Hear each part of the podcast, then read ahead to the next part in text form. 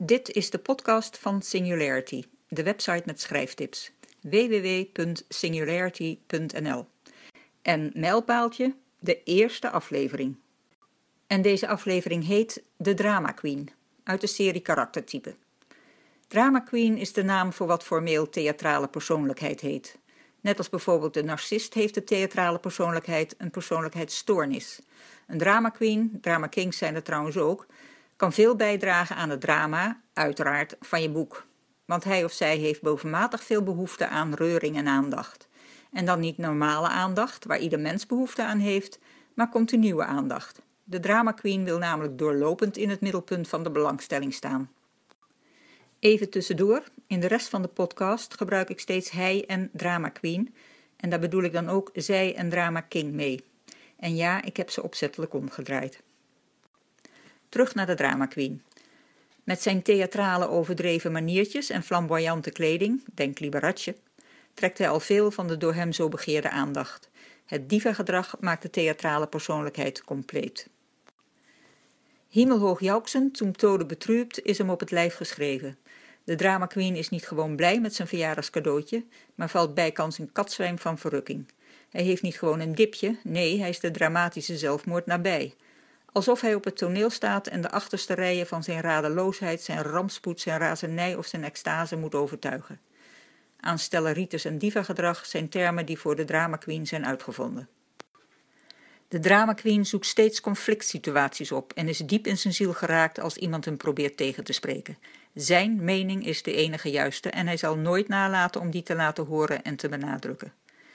Zijn behoefte aan opschudding en relletjes zorgt ervoor dat hij het heerlijk vindt om mensen op te jutten, ze tegen elkaar uit te spelen en dingen te doen, puur om te zien hoe anderen daarop reageren. En hij is dol op het verzinnen en verspreiden van roddels. Maar als hij zelf onderwerp van geroddel is, is dat een vuil verhaal door gemene mensen die het speciaal op hem gemunt hebben, omdat ze afgunstig op hem zijn. De theatrale persoonlijkheid heeft veel impact op de mensen in zijn omgeving. Zijn hunkering naar aandacht en zijn diva-gedrag leiden tot een chaotisch leven en botsingen met relaties, familie, vrienden en collega's. Alles en iedereen onderwerpt hij aan zijn hang naar groots en meeslepend leven. Dat voornamelijk tot uiting komt in zijn zucht naar drama. Drie voorbeelden van typisch drama queen gedrag. De drama queen wordt door een gezamenlijke kennis voorgesteld aan iemand die hij direct omhelst alsof het zijn beste vriend is die uit de dood is opgestaan. Zo ontzettend blij je te zien. Of deze. Als de drama queen een koudje heeft gevat, verordoneert hij wie er maar in de buurt is om direct een ambulance te bellen. Ze moeten als de sodemieter komen en zorgt dat ze een reanimatiekit meenemen. En de derde, na een gloedvol betoog waarom zijn plan om snel rijk te worden, of buitenaards leven te vinden, of de wereld te redden, noemt een van zijn toehoorders voorzichtig een klein puntje waar de drama queen niet aan gedacht heeft. Die reageert alsof de criticaster een mes in zijn hart heeft gestoken. Daadwerkelijk neerstorten is niet uitgesloten, inclusief de rochel van zijn laatste adem. Zonder te willen generaliseren zijn er tussen mannelijk en vrouwelijk drama queen gedrag vaak wel nuanceverschillen. De mannelijke drama queen wil vooral indruk maken en chockeren. Zijn publiek vergast hij op de prachtigste fantasieën en toekomstdromen. Vrouwelijke drama queens zijn zeer uitdagend en hebben hun verleidingskunsten geperfectioneerd. Wede argeloze die in een web verstrikt raakt. Al die ups en downs, die hemelse verrukking, die pijloze putten van wanhoop die de pathetische aansteller tentoonspreidt, zijn echter een rookgordijn om zijn oppervlakkige karakter te maskeren. De drama queen is een en al oppervlak, geen diepgang. Alleen maar vorm, geen inhoud.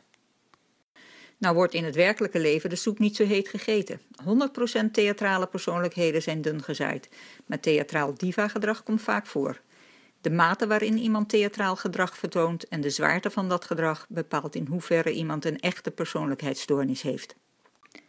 Maar in je boek ben je niet gebonden aan nuance en gematigdheid. Maak je theatrale personage dus zo over de top als je maar wil. Maak hem of haar larger than life. Want om te overtuigen, om net zo hard binnen te komen als dingen die je lezer in werkelijkheid overkomen, moet je boek zwaarder worden aangezet dan real-life gebeurtenissen. Vergelijk het maar met iets naars dat een ander overkomt, wat mij na altijd minder erg is dan als het jezelf overkomt. En zwaar aanzetten, daar is de drama queen een echte koningin in. Stem het woordgebruik van je drama queen af op zijn theatrale karakter. Hij spreekt anderen bijvoorbeeld aan met mijn meest geliefde engel als hij zo goed gezind is, of met erger dan alle nagels aan mijn doodskist tezamen als de liefde bekoeld is. Laat hem niet zeggen dat hij boos is, maar zo woedend dat hij erin stikt. Haal een dokter. Niet blij, maar zo extatisch dat je hem moet vasthouden. Help, ik zweef weg. Hij houdt niet van je, maar hij aanbidt je en hij zoent en likt de grond waarop je staat. Jak. Hij haat je niet, nee, hij verkettert je en hij walgt van je en je bent afschuwelijk en het meest verachtelijke stuk stront dat ooit is uitgepoept.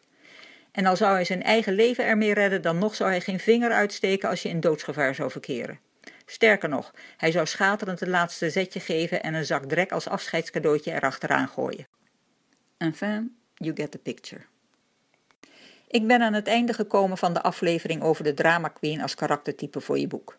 En ik wens je een danig, daverend drama. En graag tot de volgende keer. Oh ja, vond je het leuk? Heb je er wat aan? Maak me dan blij door het te delen. Dankjewel.